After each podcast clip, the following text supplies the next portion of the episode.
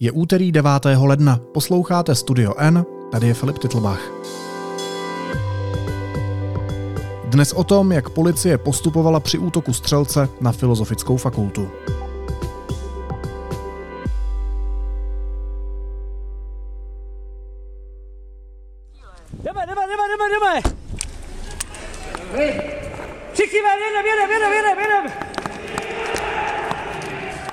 Úřad vnitřní kontroly eh, provedeným šetřením nezjistil pochybení v postupu příslušníků policie.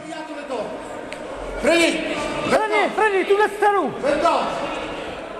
Policie vyhodnotila svůj zásah při útoku střelce na Filozofické fakultě Univerzity Karlovy. Po 19 dnech od tragédie zveřejnila podrobnosti o svém postupu.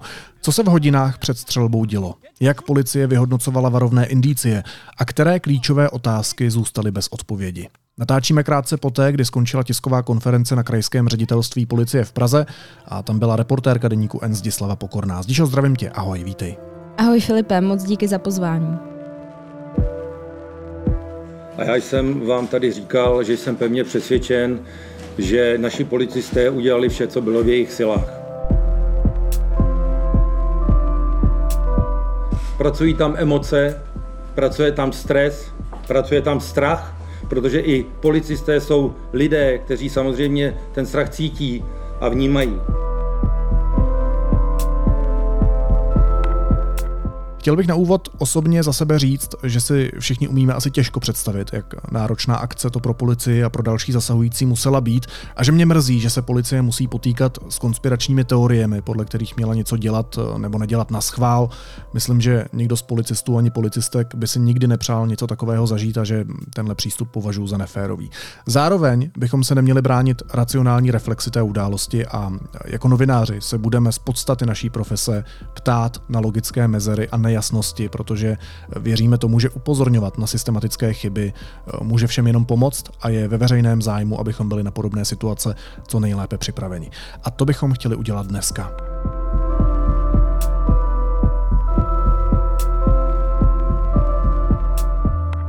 Postup policistů byl v souladu s platnými právními předpisy a interními akty řízení. Zásah policie zhodnotit jako rychlý a profesionální. Drž chodbu, tady, jo? Informace, že je na střeše! Kluci, informace, že je na střeše! I přesto lze do budoucna v podobných případech doporučit vhodnější krizovou komunikaci s dotčenými orgány, v tomto případě s vedením fakulty. O skutečnosti, že je po střelci pátráno, nebylo výslovně informováno vedení fakulty, ale pouze zaměstnanci, s nimiž policisté hovořili.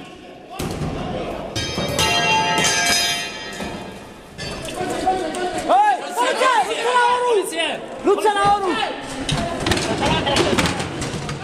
Pojďme teď spolu probrat ty zásadní otázky, které zůstávaly bez odpovědi. Úplně od začátku.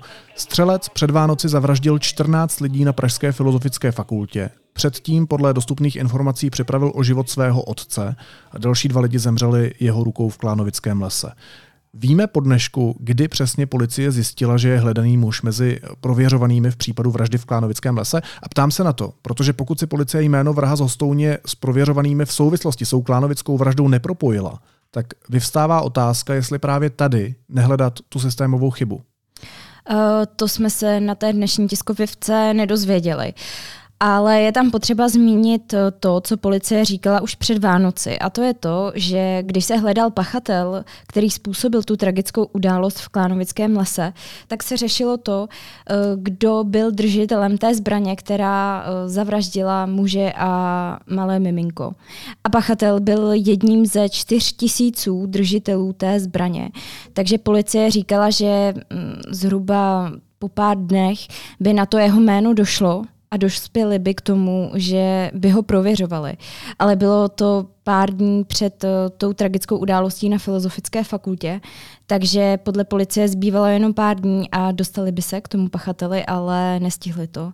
A mezi tím se stala ta střelba na filozofické fakultě. Ale zpátky k tvé otázce, přesně to nevíme, kdy si to spojili celé.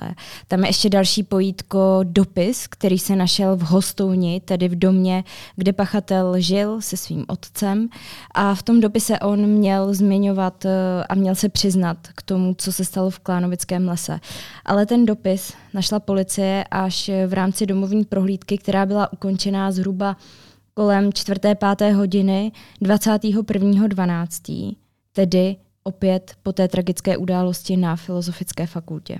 Ona ta otázka je hodně důležitá, protože pokud by k propojení těch informací došlo, tak je samozřejmě na stole otázka, jestli by změnila policie v danou chvíli taktiku celého toho zásahu, protože v takovém případě bychom předpokládali, eh, že by byl vrah vyhodnocený jako velmi nebezpečný a možná by policie přistoupila k razantnějšímu a plošnějšímu postupu. Eh, to si myslím, že pro mě osobně je největší otazník tady celé téhle akce a toho, jestli policie postupovala správně nebo ne. Eh, je potřeba říct, že na té tiskové konferenci zaznělo, že interní šetření dospělo k závěru, že policie neselhala, že ten zásah eh, byl bez chyb a že všechno bylo tak, jak má. To samozřejmě je pravda, ale pro mě jako pro novináře tam chybilo několik detailů a informací toho, kdy se jednotlivé informace k té policii dostaly. A na základě toho pak můžeš odvozovat, jestli konali razantně a jestli tu celou situaci vlastně v tu dobu eh, zvládli tak, jak měli. A to je pro mě to, v kolik hodin pracovali s podezřením, že pachatel zabil svého otce. A to je strašně klíčové, protože celou tu dobu policie říká, že ona pracovala jenom s tezí, že pachatel se chce zabít a že jede mladý muž do Prahy, který chce spáchat sebevraždu. A podle toho oni dělali ta opatření, která eh, byla vlastně ve finále razantní, když došlo k evakuaci eh, fakulty v Celetné. Ale když se koukneme úplně na začátek toho případu, tak ve 12.19 středočeská policie předává té pražské policii informace o tom, že kamarádka pachatele uh, se dozvěděla, že pachatel se chce zabít. Tuto informaci se dozvídá policie, je to tedy krátce před půl jednou odpoledne 21. prosince. Um, Krátce na to se policie snaží eh, zjistit lokalizaci pachatele. To se nedaří, protože pachatel si vypíná telefon, který zapíná až zhruba o hodinu a půl později, ale k tomu se dostaneme. 12.47 je nalezen mrtvý otec v Hostouni, tedy v domě, kde pachatel bydlel. Eh, vedle těla má ležet sekera a ve sklepě je nalezen nástražný, nástražný výbušný systém. Eh, to je tedy krátce před jednou hodinou. Tady je potřeba zopakovat, že první střelba je nahlášená zhruba ve tři hodiny. Takže dvě hodiny před tím, co se stalo na Filozofické fakultě, policie nalézá mrtvé tělo, ale i nástražní výbušný systém. A v ten moment do domu musí jít pyrotechnik. Tím pádem celá domovní prohlídka domu se velmi komplikuje a ten dopis a další věci, které pachatel po sobě zanechal, tak se nenalézají hned v tu dobu. Takže tady opravdu sedí to vysvětlení, že policie třeba nemohla tolik věcí vědět, protože nemohla uskutečnit tu řádnou domovní prohlídku, při které by našla dopis, ve kterém se pachatel přiznal eh, k vraždě v Klánovickém lese a další věci. Musela se nejprve vypořádat eh, s tím nástražním výbušným systémem, což posléze dělá, ale je to už v dobu, kdy střelec eh, prostě udělal to, co udělal na filozofické fakultě a ty věci, včetně toho dopisu, se nalézají až postupně. A jenom k tomu je potřeba říct, že pachatel uh, dopis měl sebou i na filozofické fakultě, takže ty dopisy byly nakonec dva, nejenom jeden.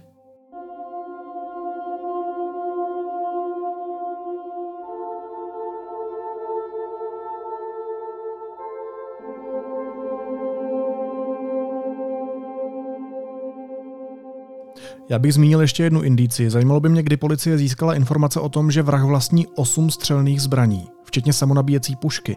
Vlastně mě zajímá, věděla policie už před tím útokem, že hledá potenciálně velmi nebezpečného ozbrojeného člověka?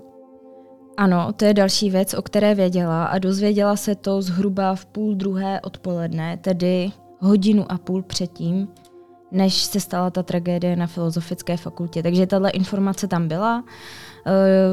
Policie měla informaci, že pachatel drží legálně 8 zbraní, včetně dlouhých a tlumiče.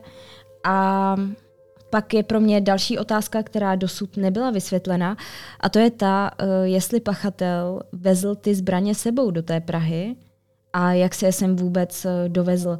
Nebo jestli je měl někde schované, jestli třeba si je už dopředu dovezl do filozofické fakulty, nebo jestli je měl v nějaké úschovně u nádraží. To je pro mě poměrně taky podstatná věc, kterou mm, policie nechtěla sdělit eh, vzhledem k probíhajícímu trestnímu řízení, takže to je další otázka, která je dosud nezodpovězená.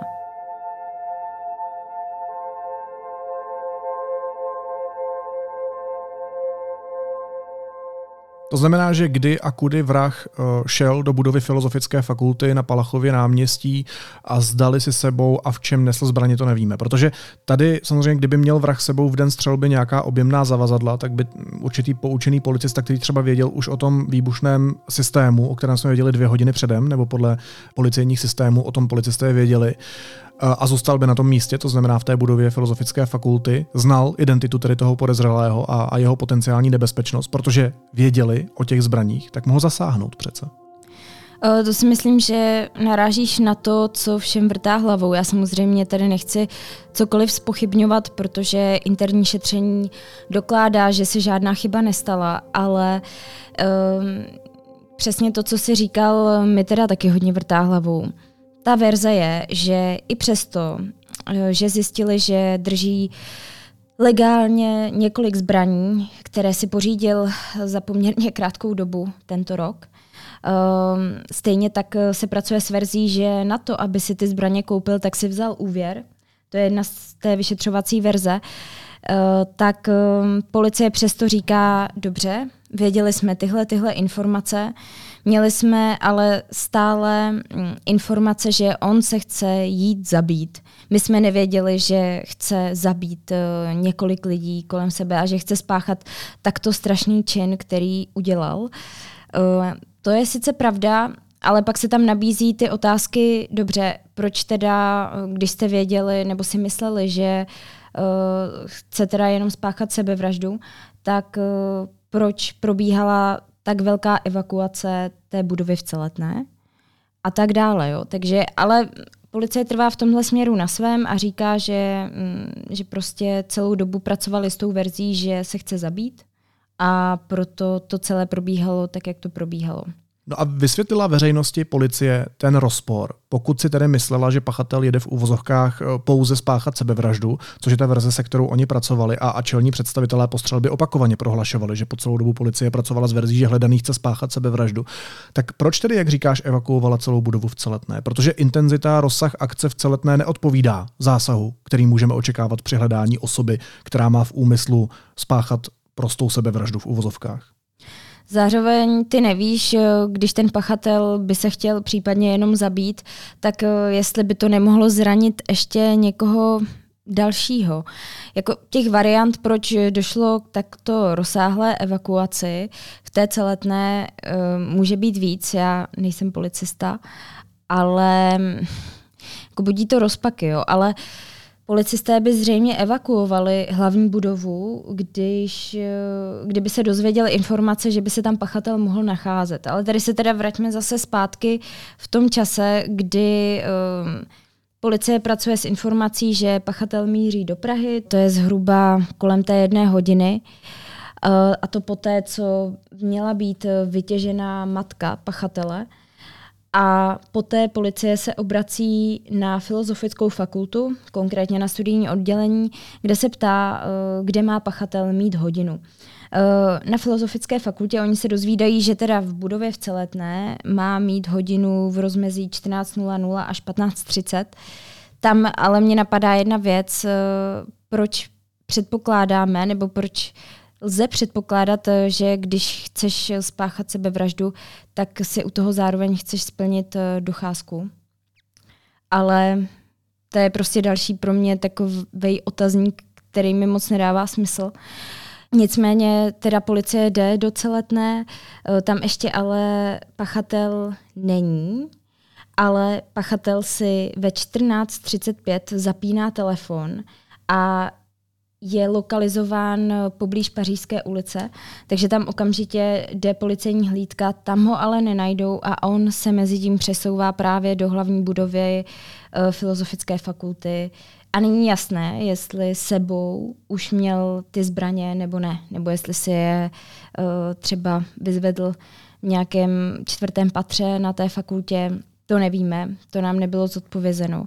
Takže takhle byla ta časová souslednost, ale uh, jak jsi zmiňoval v té otázce ten rozpor, já to nevím a nechci se asi úplně do toho moc uh, jako pouštět. Prostě uh, policie stále říká, že my jsme pracovali s tím, že se chce zabít a udělali jsme všechno pro to, abychom ochránili teda i, ty, i to okolí. Interní šetření řeklo, že se nic nepokazilo a asi k tomu nemám víc co říct. No. no ale k tomu základu, když říkáš, že policie tedy stále pracovala s tou verzí, že pachatel se chce zabít, že jede spáchat sebevraždu, tak jak je možné, že pracovala s touhle verzí, pokud mezi tím zjistila, že podezřelý nejspíš zavraždil otce, nastražil výbušný systém a je vlastníkem osmi zbraní?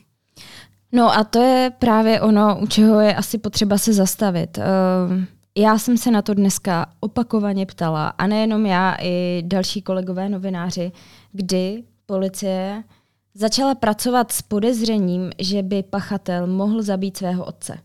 Když se teda opět vrátíme zpátky, tak po 12. hodině je to první hlášení, kdy ta kamarádka měla uh, policie nahlásit uh, ty úmysly pachatele a před jednou hodinou policie zjišťuje, že v domě je mrtvý muž, uh, tedy otec pachatele. No. A my jsme se celou dobu ptali, kdy teda padlo podezření, že pachatel právě zabil svého otce. A oni nám odpovídali jenom tím, že v 16.12 bylo potvrzeno, že pachatel zabil svého otce. Ale nikdo neodpověděl, kdy bylo podezření, že spáchal uh, tu vraždu svého otce. A v tom je klíčový rozpor, protože kdyby už, kdybychom věděli, kdy padlo to podezření, Eh, po té, co se pyrotechnici vypořádali s tím, co našli v rámci té domovní prohlídky, kdyby to bylo jenom třeba hodinu před tou střelbou na filozofické fakultě, tak pak by bylo na místě se ptát, eh, proč ta evakuace byla taková a, a další podrobné dotazy. Ale tím, že my nevíme, eh, kdy pracovali s tím podezřením, tak se na to vlastně nelze zatím úplně ptát. No. No a víme, kdy přesně jaká policejní složka a v jakém počtu přijela před tou střelbou do hlavní budovy Filozofické fakulty na Palachově náměstí? My víme, že zhruba v půl druhé uh, se policie ptá na té filozofické fakultě, na studijním, kde má pachatel mít tu hodinu. Tam se dozvídají teda, že je na té, že má být na té celetné, takže odjíždí z hlavní budovy. Ve dvě hodiny probíhá evakuace v celetné, až na místnost, kde měl mít pachatel výuku. Eh, to probíhá několik eh, minut, ale v půl třetí, tedy půl hodiny před tou první nahlášenou střelbou v hlavní budově, policie zjišťuje, že pachatel není v té uh, místnosti, kde má mít tu výuku, že tam prostě není. Takže to je 14.22, ve 14.35 si pachatel zapíná ten telefon, tam ho právě se snaží najít uh, policie. Uh, je to zhruba 1,3 km od hlavní budovy a mezi tím on dojde do té hlavní budovy. Ve 14.59 je první oznámení o střelbě a pět minut na to je na místě hlídka.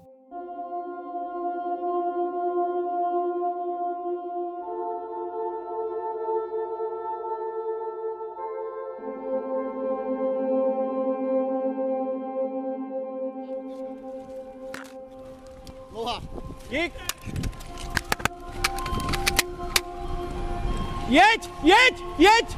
Nezastavuj! Nezastavuj! Jeď, jeď, jeď, jeď! Se prosím tě ve čtvrtém patře, zatím negativní, provádíme prohlídku. A teď já se promiň, vrátím v čase. Středočeská policie požádala pražské kolegy, aby provedli šetření v budově Filozofické fakulty právě na tom Palachově náměstí už ve 13.27, to znamená hodinu a půl před střelbou. A podle uniklých záznamů je taky upozornila na to, že hledaný muž může být ozbrojený. To znamená, policie už v půl druhé věděla, že ten muž může být ozbrojený. Uh, no ale tak to s, tím podle mě policie pracovala celou dobu, že může být ozbrojený a to kvůli tomu, že zjistili, že je držitel několika zbraní že jo, a že se chce zabít. Takže proto oni vyhlásili pátrání a označili pachatele jako nebezpečného, což je praxe u všech lidí, u kterých je podezření, že mohou být ozbrojení. Takže oni to, že může být ozbrojení, věděli celou dobu a dokládá to právě to, že vyhlásili pátrání a označili pachatele tak, jak označili, protože to dělají standardně u všech, u kterých si myslí, že u sebe mohou mít zbraň. Jakým způsobem policie komunikovala s filozofickou fakultou, jejím vedením a tak dál? Pochybila tam nějakým způsobem? To je právě to, na co dneska upozorňoval i policejní prezident Martin Vondrášek, který to zmínil, že jedním z těch slabších míst byla krizová komunikace v době celé události. Uh, on doslova řekl, že jsme intenzivně komunikovali s personálem filozofické fakulty. Pro příště bychom měli komunikovat s odpovědnými zástupci tohoto konkrétního měkkého cíle. A to se právě nestalo. Oni komunikovali se studijním oddělením s lidmi uh, z filozofické fakulty ohledně toho, kde pachatel má mít výuku, ale to slabé místo, což je dneska bylo i připuštěno, bylo to, že se dostatečně nekomunikovalo s vedením a s tím, jaká hrozba se tam může stát. A to je právě to, na co si chce dát policie do příště pozor, eh, na takovéhle situace, aby ta komunikace v tomhle ohledu byla daleko lepší. Ona taky reagovala na tu tragédii tím, že se rozhodla, že založí pracovní skupinu pod názvem Střelec. Co má tahle skupina dělat? Uh, jde o novou skupinu, která je založená právě na základě této tragické události. Je to pracovní skupina, která by měla vést k efektivnějšímu prověřování uh, k typově schodným případům, jako byl právě tento. No a vedoucím té skupiny bude náměstek ředitele uh, krajského ředitelství v Praze, Vojtěch Motika. A jde prostě o to, aby vznikla pracovní skupina, která by se snažila předcházet podobným incidentům. Účelem má být identifikovat možné věci, které do budoucna by pomohly té kriminální policii, aby efektivněji vyšetřovala případy tohoto typu. Znamená to v praxi, že si česká policie ať chce nebo nechce, prostě musí začít zvykat na realitu, kterou známe z jiných států, například ze Spojených států? Já si myslím, že to tomu nasvědčuje, že takovéhle podobné případy mohou následovat. A vychází to i z těch dat, která policie dneska řekla, eh, kdy policie zmínila, že v návaznosti na to, co se stalo na Filozofické fakultě, tak prověřují víc jak 165 skutků, které přímo souvisí a mají návaznost na masové střelby. Ať jde třeba o komentáře na sociálních sítích, vyrožování střelbou a podobně. A v 93 případech policie zahájila úkony trestního řízení a těch případů může jenom přibývat a souvisí to s řadou věcí, které v té společnosti bují a jedna z nich je to, jakým způsobem ta společnost České republice je odolná vůči dezinformacím i dalším vlivům. Takže je potřeba kromě dalších eh, preventivních opatření, která budou následovat, tak je potřeba se věnovat eh, i tomuhle, jak vlastně učinit eh, tu společnost lépe odolnou.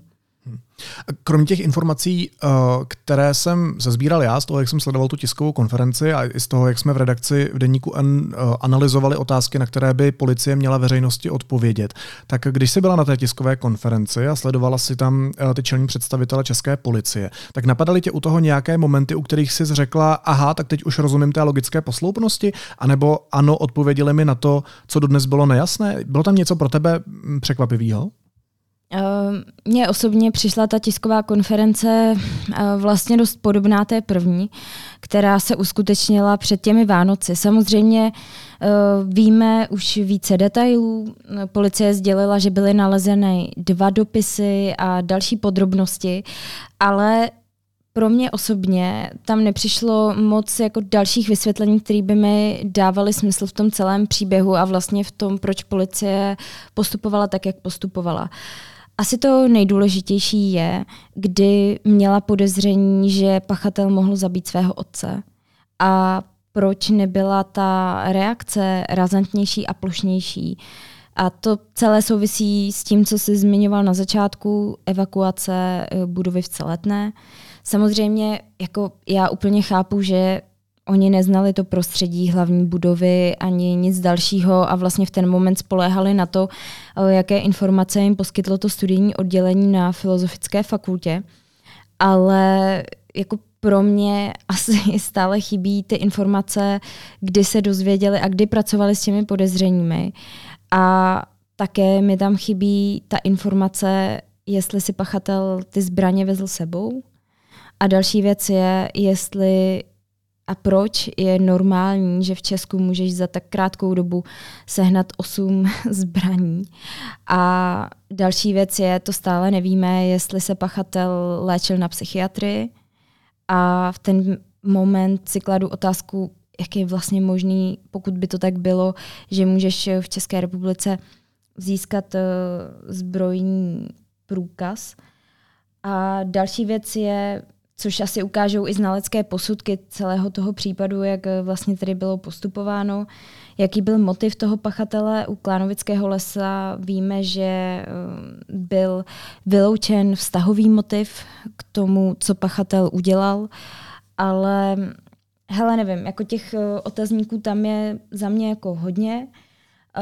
Pak další ještě věc je, kdy policie zjistila přesný čas, eh, že právě on eh, má na starosti to, co se stalo v Klánovickém lese. A taky další věc, která mě zajímá, eh, je to, policie zmínila, že když docházelo k ohledávání té hlavní budovy Filozofické fakulty, tak pracovali i s verzí, že pachatel může mít spolupachatele.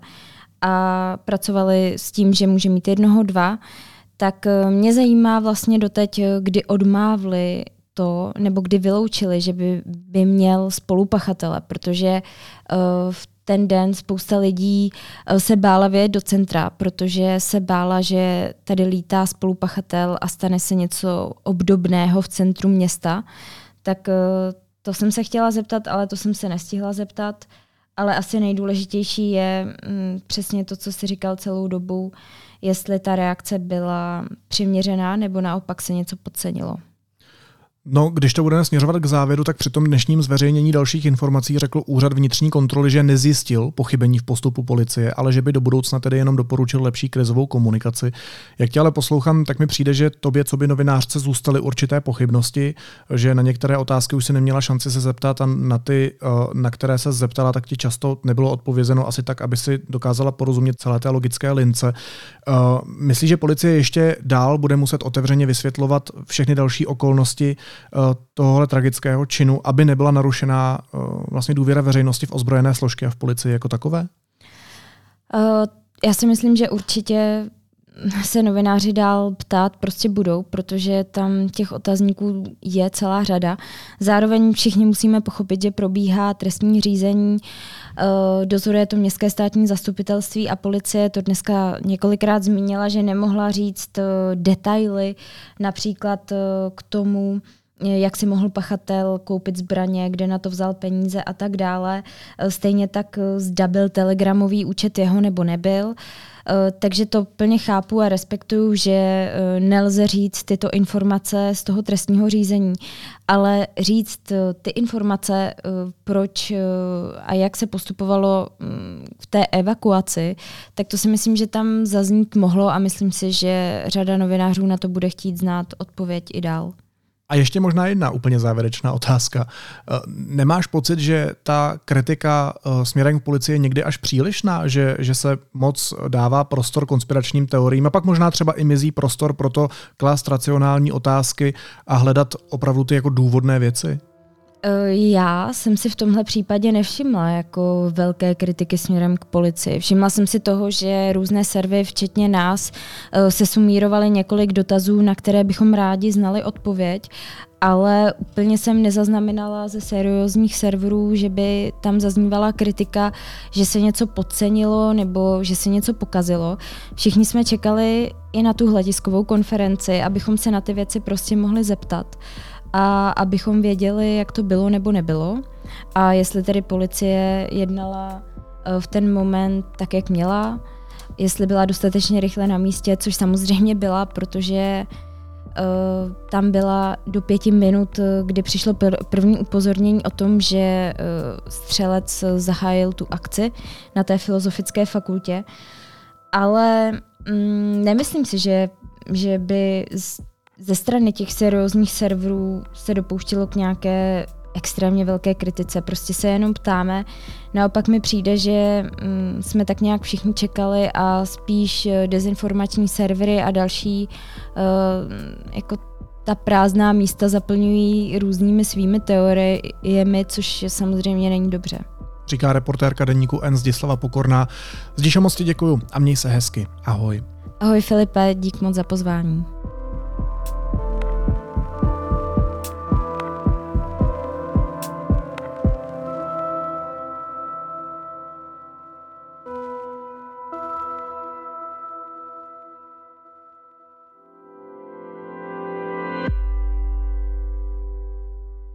A teď už jsou na řadě zprávy, které by vás dneska neměly minout.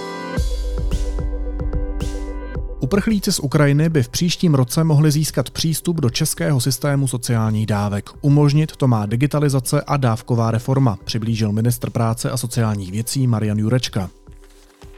Počet obětí silného zemětřesení, které na nový rok zasáhlo Japonsko, přesáhl 200. Stále se pohřešuje přes 100 lidí. V prefektuře Ishikawa je stále přes 28 tisíc lidí v evakuačních střediscích. Federální odvolací soud ve Washingtonu DC projednává stěžejní otázku imunity Donalda Trumpa. Ten žádá, aby jeho obžaloba z volebního podvodu byla stažena, protože měl jako prezident imunitu. S tím nesouhlasí prokurátor Jack Smith. Slovensko bude nového prezidenta nebo prezidentku volit 23. března. Případné druhé kolo přímé volby bude o dva týdny později. Informoval o tom předseda parlamentu Peter Pellegrini, který ze zákona termín voleb určuje a který sám zvažuje prezidentskou kandidaturu a jihokorejská armáda obnoví vojenské manévry na hranici s KLDR. Ty byly zastaveny po mezikorejském samitu a vytvoření nárazníkových zón v roce 2018. Tahle dohoda ale už neplatí. Severní Korea před pár dny ostřelovala z děl námořní hranici.